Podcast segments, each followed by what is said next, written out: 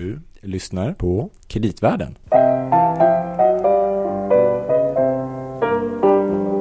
Det är måndag morgon och mitt huvud känns så tömt. Jo, jag sa just det att det är måndag morgon och mitt huvud känns så tömt när jag sitter här med ett glas grapefruktjuice sjungande the Grace Hankling Blues. Oj, det där var ju dystra toner Louie. Ja, lite så va? Ja. Känns lite tungt just nu. Men eh, du har ändå sagt att vi måste ju hylla. Ja, vi måste hylla Povel Ramel. Ja, precis. Eller hur? Ja. Eh, men däremot kanske vi inte ska hylla konjunkturen som Nej. i vardagen. Vi, förra avsnittet så pratade vi med Roger Josefsson Just det. eh, och, som målade upp en, en, en, en bild som, som vanligt att det kan ändå bli värre än vi har tänkt oss. Dubbelsmockan. Dubbelsmockan heter det. Men eh, det är ju lite, ja men det är lite småtungt just nu. Saker kommer slag i slag. Ja men så är det. Och eh, det som vi har pratat mest om, som man har pratat mest om, det är ju det här med inflationen. Mm. Eh, det finns ju en bransch som är väldigt liksom, kopplad till eller beroende av hur det går för inflation Ja men exakt. räntor. Vi pratade ju om att vi skulle djupdyka lite mer i olika sektorer, eller hur? Mm. Visst sa vi så? Mm, Och nu gör vi det. ja. Det här är Kreditvärlden. Ja. Louis. Gabriel. Ja, det är jag det. Och eh, vi är en podcast om kreditmarknaden men också finansiella marknader och Mm. ekonomin i stort. Mm. Så idag så har vi bjudit in en gäst för att djupdyka lite grann i en bransch. Mm. Och vi hälsar dig åter välkommen till oss, Lennart Weiss. tack och tack. Kommersiell direktör på Veid- Veidekke ska sägas. Mm. Kommer du ihåg att förra gången, du har ju varit med några gånger tidigare och då var det, visade sig, upptäckte vi att det var nästan fem år mellan de olika avsnitten du var med. Det är ju ganska otroligt men Mm. det säger någonting om hur närminnet eh, förslappas. Men då tänkte vi sa ju det att vi skulle råda bot på det. Mm. Så vi är väldigt glada att du är tillbaka. Jag tror många lyssnare också för att det, det var ju väldigt många som lyssnade på det här avsnittet med dig i början på året, det här Alla fuskar. Mm.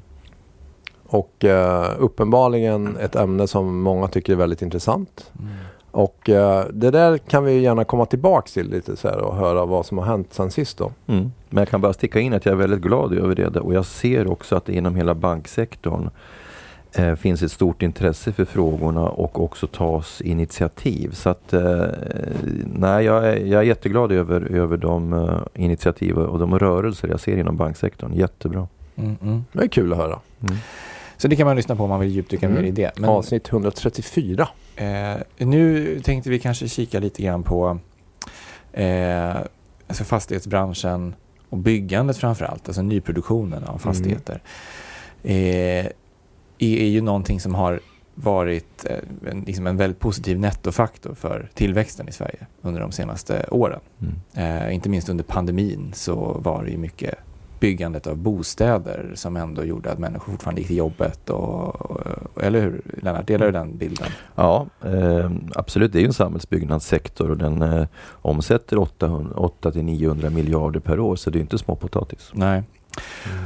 Och det är ju, om man tittar lite grann tillbaka åren så eh, tidigare så byggdes det ungefär lika mycket bostadsrätter som hyresrätter eh, eh, per år. Men sen 17, 18, 19 så följer bostadsrättsbyggandet ganska kraftigt.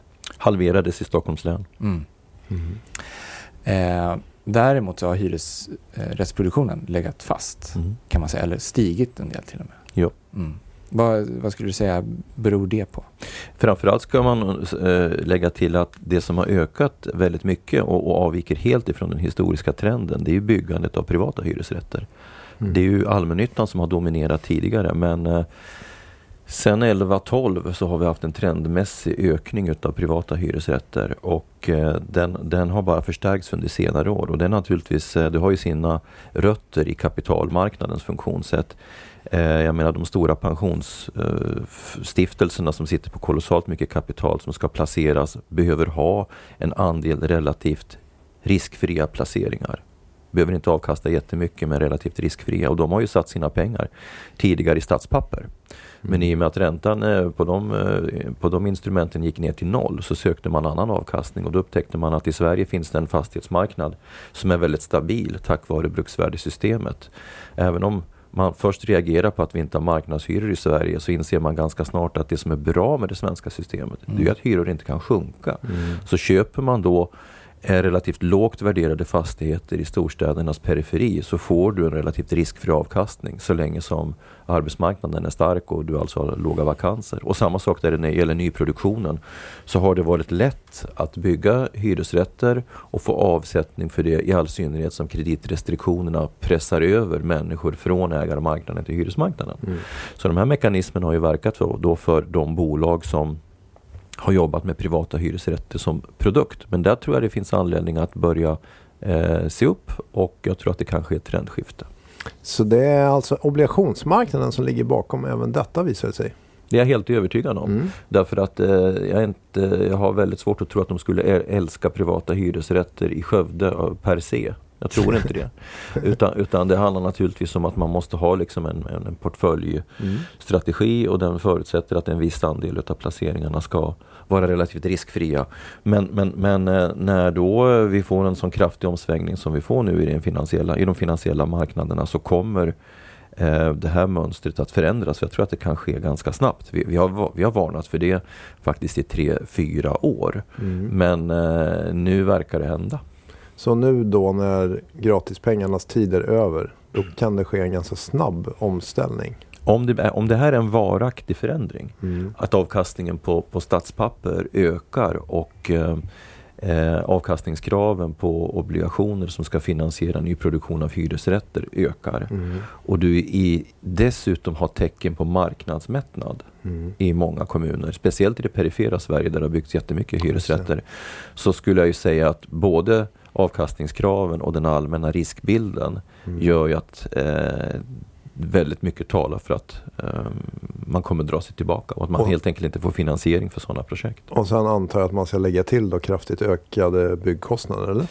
Ja, det är ju ett tema för sig. Mm. Ehm, alltså om jag tar det då från mitt perspektiv, Mm. byggsektorn, så, så ehm, är det ju en hög grad av dramatik under ytan just nu. Man, man kan i och för sig spegla eh, läget på två olika sätt. Å ena sidan så kan man ju säga att alla större byggföretag har ju fulla orderböcker just nu och, och snarare ett problem att man har brist på arbetskraft och Mm. leveranstider och vad det nu är. Va? Mm. Som delas av många branscher i samhället. Ja, Mm. riktigt. Men jag har varit offentlig med att, um, jag skrev i Affärsvärlden här i början på april, att när jag tittar i våra egna böcker så har vi alltså haft kostnadsökningar på mat- byggmaterial på mellan 40 och 100 procent det senaste året. 40 till 100 procent. Har man 100, nå- någonsin sett det tidigare Aldrig. som du kan minnas? in, nej, jag har aldrig sett det.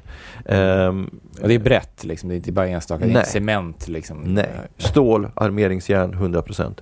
Um, installationsvaror 40-50%, jättemycket. Och det man ju plötsligt liksom inser, eh, som jag inte visste själv, va, det, är att vi, hur mycket material vi faktiskt har importerat ifrån Ryssland, till exempel byggstål, Mm. armeringsjärn. Ja. Eh, lera till kakel och klinkers, Ukraina. Mm. Eh, cementvaruprodukter som har försörjt den östeuropeiska byggindustrin som, därifrån, som, som vi köper mycket prefab ifrån. Mm. Det skenar i alla, alla sektorer. Va? Och eh, om vi då tänker oss att vi har jobbat med totalentreprenader med fast pris men Mm. inte bundit de här leveranserna i kontrakt så förstår ju vem som helst vad som händer. Mm. Då skenar ju eh, kostnaderna och det går inte att få lönsamhet i projekten. Och då finns det ju då i eh, ABT, i, i, i eh, de, de avtal som tillämpas i marknaden, en force majeure-klausul och den används ju nu för att helt enkelt hitta förhandlingslösningar. Och det gör ju att vi sannolikt har möjligheter att lösa byggarnas problem till viss del. Men om inte vår kund får ihop sin affär, Mm. då har vi ju eh, inte löst något problem. Därför att vår kund kan inte transportera den här kostnaden vidare till sin kund, nämligen slutkunden, hyresgästen eller bostadsrättshavaren. Så att då blir det här ganska snabbt ett, ett Därför att systemet inte tillåter det eller för att de inte, man, människor kommer inte ha råd Man har inte råd. Nej. Man har inte råd och, och då får man ju sätta det i förbindelse med allt annat som händer just nu då, med inflation som leder till stigande räntor som leder till fallande börs som, och så vidare. Va? Arbetslöshet. Så, ja. ja, så det sker ett dominospel där marknaden inte kan eller vill eller av psykologiska skäl eh, överhuvudtaget inte är benägen att göra en bostadsaffär. Så att det jag ser framför mig här det är ju en eh, närmast perfekt storm Mm. som kan leda till att vi får en väldigt kraftig sättning i bostadsbyggandet i höst. Och då kan det bli alltså väldigt brant bara stopp. Mm. Eller är det så det blir då? Eller? Ja, jag är rädd för det. Eh, nu ska man ju ha klart för sig att Bygger man inte klart sina projekt? Jo, det gör man. Man kommer bygga klart projekten. Så, att, så på det sättet så kan man ju säga att inbromsningen blir då långsam.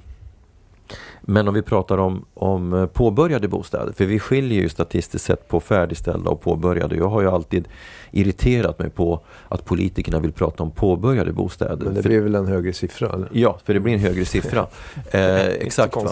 Då, har man, då har man alltså, det var ju väldigt typiskt under både den borgerliga och senaste Löfven-regeringen att man jämförde tidigare siffror för färdigställda bostäder med statistiken för påbörjade. Och då kunde man säga att titta här hur mycket investeringsstöden har gjort att bostadsbyggandet har ökat. Och det där är ju ett statistiskt falsarium.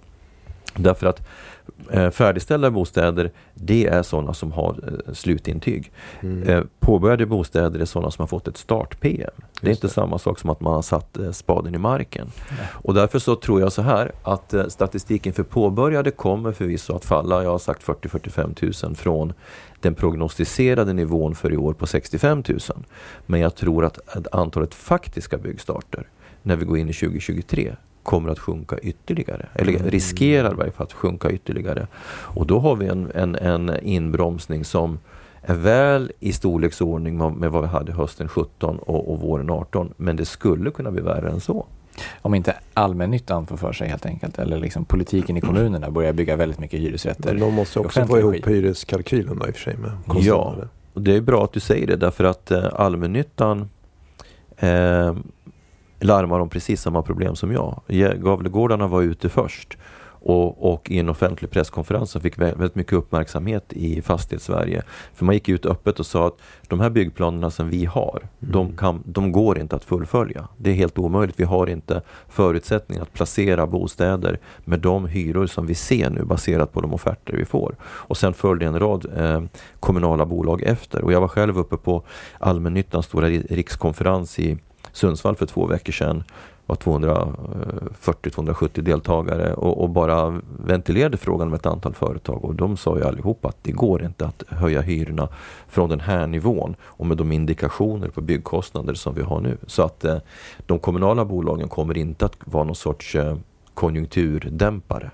Men tror du har satt, sagt någonting om att bostadsmarknaden kommer att sättas under tryck i uppemot två år? Ja, det är vad jag tror. Ja. Eh, och det är klart att eh, i det finns ju både en, en dålig och en god nyhet. Det blir en brant nedtur. Det är mycket som talar för det. Men, men jag tycker inte heller att det finns anledning att säga att vi går mot någon form av 70-talssituation med, med eh, recession, eh, stagflation kanske rent av eller, eller att branschen ska liksom eh, krascha totalt. Det kommer den inte att göra.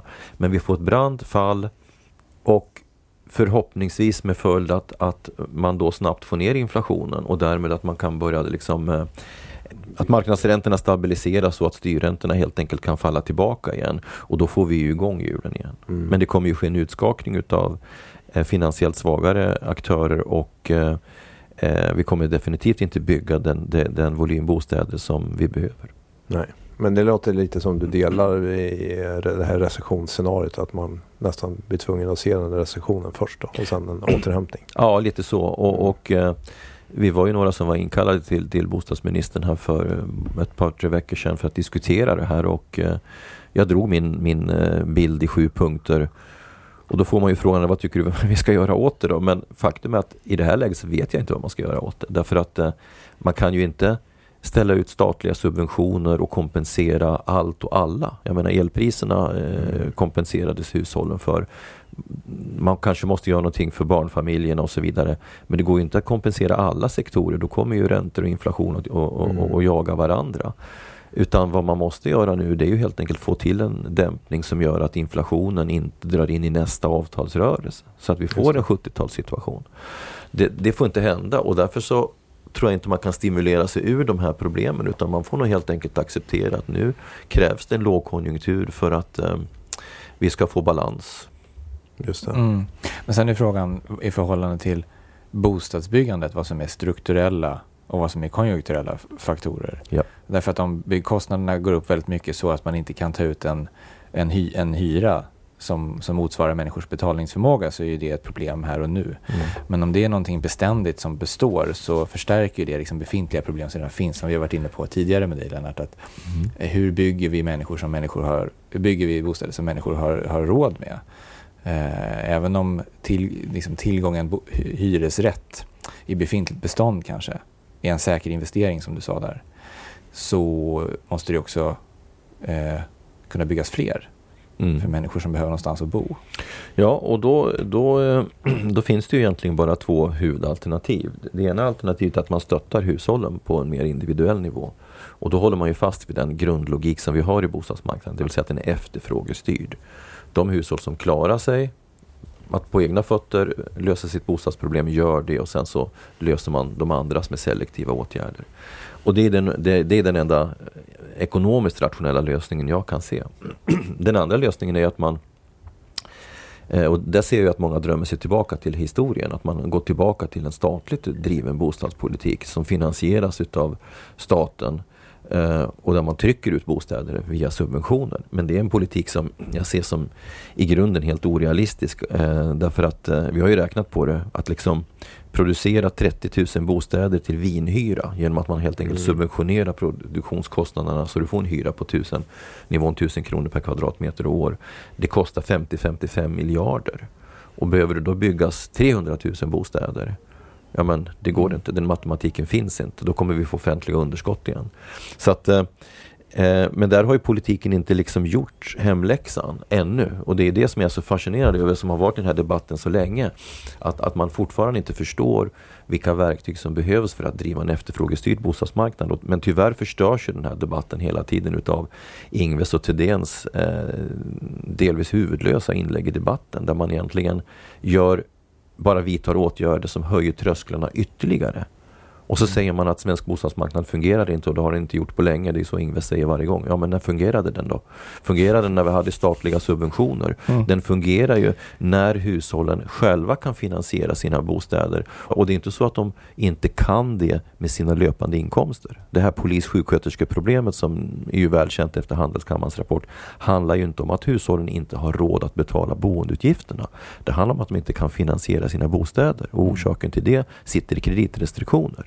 Men nu är du inne på ägt boende. Ja, eh, jag är inne på ägt boende. Jag gick över till ägt boende därför att jag stängde ju liksom dörren till hyrt boende. Ja. Därför att ska du liksom lösa det den vägen, då är vi ju där va. Att antingen så får du gå över till den kontinentaleuropeiska modellen där du delar upp hyresmarknaden i marknadsprissatta bostäder och, och subventionerade. Är det till exempel Finland? Skulle det vara ett sånt exempel? En variant på det, men man brukar ju kanske snarare hänvisa till eh, Holland, Wien. eh, Frankrike, eh, Okej. Österrike, Tyskland och så vidare. Va? Som har Men en att det är viss, en, den svagare gruppen subventionerar man Ja, och resten får Så man låser en del av beståndet. exakt. Mm. Man låser en del av beståndet och så fördelar man bostäder efter behovskriterier. Mm. kallas för social housing. Och det är ju då det offentliga Sverige, Hyresgästföreningen, allmännyttan och så vidare skarpa motståndare till. Och jag tycker själv att det finns eh, principiella problem med den lösningen. Men Vad, för Men- bara fråga, vad är problemen då? Ja, därför att det finns en risk för, för stigmatisering. Liksom hela, hela välfärdsmodellen i Sverige bygger ju på att vi eh, inte i grundläggande mening ska ha selektiva lösningar. Det är därför vi har en generell, arbets, eh, eh, en generell sjukförsäkring, socialförsäkring, barnbidrag etc. Och bostadspolitiken var ju också generell. Men när det gäller just bostadspolitiken så det här har jag ju verkligen satt mig in i. Eh, och, och så, så ser jag inga möjligheter att man kan, kan liksom klara både bostadsbyggandet och de bostadssociala problemen enbart med generella åtgärder. Det Mm. blir för dyrt. Mm. Eh, och det var därför den Just det. politiken avskaffades i början på 90-talet. Den, den historien måste man faktiskt komma ihåg. Det krävs alltså en kombination av generella och selektiva åtgärder. Så att den här mod- och eftersom, jag menar hela debatten om marknadshyror som vi hade då fram till att regeringen föll förra sommaren komiskt nog tack vare att eh, Kristersson krokade arm med Nooshi Dadgostar. Det är en fantastisk historia för eh, framtida historiker att borra i. Så, så, så visar ju det vilken sprängkraft frågan om marknadshyror har. Mm. Så den vägen tror jag är stängd och jag tror också att vägen till en återgång till en utbudsdriven statligt finansierad bostadspolitik är stängd. Så att då, då, vad gör du då? Ja, då, då kan du tänka att du höjer, ök, att du eh, satsar på, på bostadsbidragen och det är också en åtgärd som jag lyfter fram då och då. Men det är en dyr åtgärd, men den fungerar. Men jag skulle säga så här att det, det, det klokaste det är att man liksom delar upp det här i olika marknadssegment. Om vi säger socialgrupp 4 Finns ju inte officiellt, då, men vi, ni vi förstår vad jag menar. Mm. Människor som liksom är i ekonomisk och social vanmakt. De måste man ha selektiva lösningar för. Och i praktiken har vi haft det sedan 1950-talet men vi har inte velat prata om det. Men idag har vi ungefär 100 000 hushåll som har någon sorts, lever i någon sorts bostadssocial vanmakt. Det måste man våga prata om, att den gruppen måste du ha särlösningar för. Och det löses genom? Det, då måste man lösa det genom sociala kontrakt, någon typ av mini-social housing, Mm. eh, stödbostäder, eh, för de allra mest utsatta HVB-hem och vad, vad det nu är. Va? Så att Mm. det är bara att inse det att där måste det in statliga pengar för att finansiera den typen av lösningar. Men sen har du också, det var du inne på här Gabriel, strukturellt svaga grupper. De har låga inkomster helt enkelt. Och för dem eh, Jämfört med liksom dagens byggkostnader Ja. och allt. Och det problemet förvärras Ja. eventuellt. Och för dem, och det är det här som debatten inte fattar, va? för dem är det en bättre lösning att gå över till den, den prismässigt billigaste delen av ägarmarknaden. Och det är det vår kommande rapport kommer att handla om. Den som vi releasar bara om någon vecka som heter Överkomliga bostäder, det vill säga ägt boende, den sociala bostadspolitikens dolda resurs. Där visar vi ju med en, en, en av fakta och statistik att om du går till, en, eh, den, den, till, till den billigaste, den, den lägst prissatta kvarteren utav ägarmarknaden så har du en uppsjö av bostäder som ger lägre boendeutgifter Mm. än hyresmarknaden. Framförallt nyproducerade hyresrätter.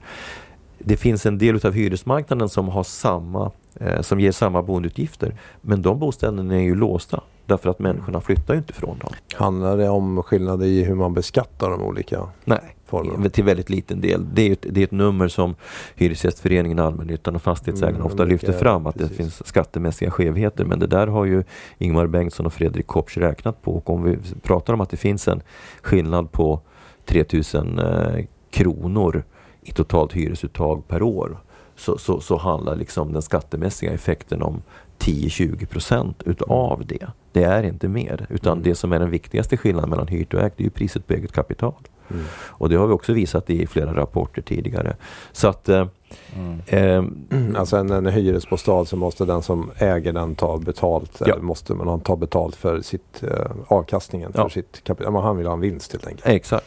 Och, så är det inte i en bostadsrätt utan då får man så att säga den vinsten själv. Eller, av det enkla skälet att jag som bostadsrättshavare lägger ju ingen kalkylränta på mitt lån. Utan jag Nej. bor ju Ja. upp så att säga Ja, precis. nyttan. Va? Precis. Så att eh, eh, det här visar ju bara att man Men då skulle du vilja att den, den typen av hushåll skulle få låna pengar och inte behöva amortera till exempel. Någonting i den stilen. Så att de kunde låna liksom. Eller? Ja, vi kan gå till Norge. Va? Alltså, eh, om vi pratar om de allra svagaste grupperna där, som, som alltså de strukturellt ekonomiskt svaga grupperna, vi, vi, vi, för att göra det enkelt då, i en bild. Två, ett hushåll med två McDonalds-löner. Mm. De tas inte in på ägarmarknaden i Norge utan stöd. Men då har de någonting som kallas för boligtillskudd. Mm. Och det är alltså ett egenkapitalstöd som staten tillhandahåller. Därför att vad, vad hamnar de här människorna i? Jo, de hamnar i andrahandsboende. Mm. Du har ju faktiskt en ganska stor hyresmarknad i Norge. Eh, men den är ju en andrahandsmarknad med höga hyror. Och för att de människor ska komma från den marknaden, för den tar helt enkelt för stor andel av hushållens disponibla inkomster, så ger man ett boligtillskudd. Och då kommer man in på den billigaste delen av ägarmarknaden och kan stå på egna ben, få en stabil hushållsekonomi och kan börja göra sin klassresa. Va? Och det är, till, det är till och med så att man skriver av det lånet på tio år. Mm. Och, och, och sen när jag hörde det här första gången när jag och Attefall var och träffade Husbanken och de berättade det här. Då säger jag till avdelningsdirektören häpet, men, men menar du att norska staten skänker pengar till hushållen om de bor kvar i tio år? Och då säger hon med ett snett leende, du Lennart, eh, hur mycket eh, pengar har svenska staten skänkt till de kommunala bostadsbolagen sedan 1947? Säger hon med ett litet leende. Eh, och då är det ju peanuts. Då är det Mm. peanuts. Va? Och, sen, Mm. och sen om vi pratade om grupper som har en starkare ställning ungdomar som sitter och utbildas och, så, och som är nyexade, ja de kan få startlån och man har dessutom system för att bygga upp ehm, eh, kapital hos hushållen i form av skattesubventionerat sparande. De har helt enkelt mekanismer för att få en efterfrågestyrd bostadsmarknad att fungera. Mm. Och har man sådana mekanismer så kan man få en ägarmarknad att fungera med bostadssociala förtecken. Och, och, och, men det har vi inte lärt oss i Sverige och det, är därför som, det var ju därför som Veidekke då när vi gjorde en rapport 2016 eller om det var 17 kunde leverera en rapport där vi jämförde svensk bostadspolitik med 13 andra länder och konstaterade att Sverige var sämst i klassen. Just det, precis. Sämst i klassen och det var ingen Mm. bekväm sanning. Tidigare avsnitt i kreditvärlden för övrigt. Ja, Mm. Men uh, okej, men varför kan de göra såna här grejer i Norge och inte i Sverige? Vad är det för låsningar vi har här liksom? Eller var, varför kommer vi ut på ett helt annat vis? Vi har en mental föreställning om, fortfarande om att hyresrätten är den lämpliga boendeformen för människor med svaga inkomster. Och det är sant så länge vi pratar om hushåll, eh, om vi pratar om bostäder som byggdes på före systemskiftet och som var kraftigt subventionerade. Men de är ju inte tillgängliga eh, för de som går in på bostadsmarknaden Ja, eller de som har bostadssociala problem mer än som sociala kontrakt. Så vi sitter fast i den tanken. Och nu trots kämpar man ju med så här att bygga allmännyttiga bostäder som ska vara billiga. Nu gör jag citationstecken, men billiga. billigare. Ja. liksom. Eh, Men även med, med en, en hyra på in, investeringsbidragsnivå, antingen Mm. 1250, 1350 eller 1450 beroende på var vi är i landet, så är ju det en hög hyresnivå jämfört med boendeutgiften i, i den lägst prissatta delen av ägarmarknaden. mm. Så att det är ju fel åtgärd. Och det är också fel åtgärd utifrån hur svensk bostadsmarknad ser ut. Två tredjedelar bor i ägt boende, tre fjärdedelar av hushållen bor i ägt boende. Då måste du ha en politik för att få ägarmarknaden att fungera med bostadssociala syften. Och det är där jag skriver rapport på rapport på rapport för att få förstå folk att begripa att det finns enkla systemlösningar på det här. Men det är återigen bröderna Bill och Bull, eh, Ingves och Thedéen som, som kastar grus i maskineriet därför att de inte vill förstå hur en sån marknad ska fungera. De är Mm. ju så att säga, apropå låsningar, de är ju andra änden av det här med kreditrestriktioner. Ja. Det du förespråkar är näst, nästan, om man hör det lite, tvärtom. Ja, därför att det, det kan vi se utav andra länder. Andra länder har kredit, samma typ av kreditrestriktioner som vi, men de har särlösningar eller undantagslösningar för ungdomar, så, sådana som ska in på bostadsmarknaden. De ger an, antingen amorteringsfrihet de första åren, de har undantag ifrån eh, från eh, bolånetaket, eh, de har subventionerat bosparande, de har startlån. Mm. Men äh, apropå Thedéen och äh, Ingves, egentligen så borde väl politikerna ändå kunna ta fram de här lösningarna eller? Ja, det borde de Om kunna. det fanns en polit- är det inte den politiska viljan som saknas egentligen? Jo, riktigt. Men eh, som vi, jag tror vi sa redan i första podden, jag var med, vem är det som bestämmer eller vilka är det som bestämmer i Sverige? Jo, det är Finansdepartementet. Mm. Det, det, har de, det är de som har bestämt sig 1950-talet i Sverige. Och eh, finan, de som jobbar på Finansdepartementet det är samma sorts människor som eh, jobbar på eh, Riksbanken eller Mm. Finansinspektionen eller Riksgälden och så byter de jobb genom att snurra runt i den där kvadraten och så äter Mm. de lunch på samma restauranger och så bekräftar de sina insnöade teorier. Va? Så att det är ju en liten, det, det, det är ju en, det är ju en, det är ju en, det är, det är ett slutet ekosystem med väldigt lite inflöde utav andra tankar och tyvärr är ju politikerna alldeles för lättviktiga för att tränga igenom argumentationen. Men den som Mm. läser Finansinspektionens bolånerapporter, vilket jag har gjort i, i ett antal år, ser ju att deras egna experter underkänner de slutsatser som Thedéen och Ingves står och pratar om på konferenser. Det är helt häpnadsväckande, men vi har inte politiker som orkar läsa de här rapporterna. Jag har ju själv varit med och träffat politiker i skatteutskottet, finansutskottet, ehm, eh, civilutskottet och när jag går igenom när jag går igenom eh, Finansinspektionens egna analyser och beskriver på punkt efter punkt hur felaktiga de här påståendena är så ser jag att väldigt många inte ens har förmåga att ta in vad jag säger. Mm. Det är tyvärr Men det är ju så. lite underbetyg till hela vårt system då egentligen, Ja. kan man ju tycka. Att, Det är tyvärr Jag tänkte så. säga om man får komplettera med en, liksom en statsvetenskap, en annan typ av statsvetenskaplig analys så kan det väl också vara helt enkelt så att de väljer, det är ju en tydlig insider-outsider problematik här också. Att Mm. de, majoriteten av Sveriges partier i riksdagen representerar väljare som redan har en bostad. Mm. Eh, eller alla partier representerar en majoritet av väljare som redan har en bostad. Ja. Så att det är uppenbart att det finns ett väldigt litet incitament och intresse, särskilt i dessa tider av vad den politiska debatten handlar om, att göra det här till en viktig fråga. ja, det är helt Mm. riktigt. Va? Det, det, Förutom för ett parti som det enda de har gjort hittills då, eller nu, eh, Mm. eh, förutom det som du beskrev förut, hände förra året. Vänsterpartiet ja. ja. Nej, men de, Vänsterpartiet positionerar sig ju väldigt medvetet som ett intresseparti för landets hyresgäster och att de vill ta över Hyresgästföreningen är jag helt övertygad om. Det kan jag se tecken på runt om i landet. Men, men eh, tillbaka till din beskrivning så i Stockholms län kan man se att, de här, att bostadsfrågan finns på topp 5-listan. Och nu senast var det faktiskt en undersökning från Novus som visar att bostadsfrågan var på topp 5-listan också nationellt. Och det tror jag helt enkelt beror på att det är allt fler, det här problemet som vi tidigare mm. har kopplat till ungdomar börjar nu gå upp så pass mycket i åldrarna. Nu, nu drabbar även alltså 30-35-åringar, gruppen familjebildare. Och vi har ju en väldigt, väldigt, väldigt stor kull 80-talister som nu är i familjebildningsålder. Mm. Och de fattar nu plötsligt att de bostäder, de lösningar som politikerna anvisar för, för dem, små ettor, där kan du inte bilda familj. Så de måste ju nu byta kostnader mot restid.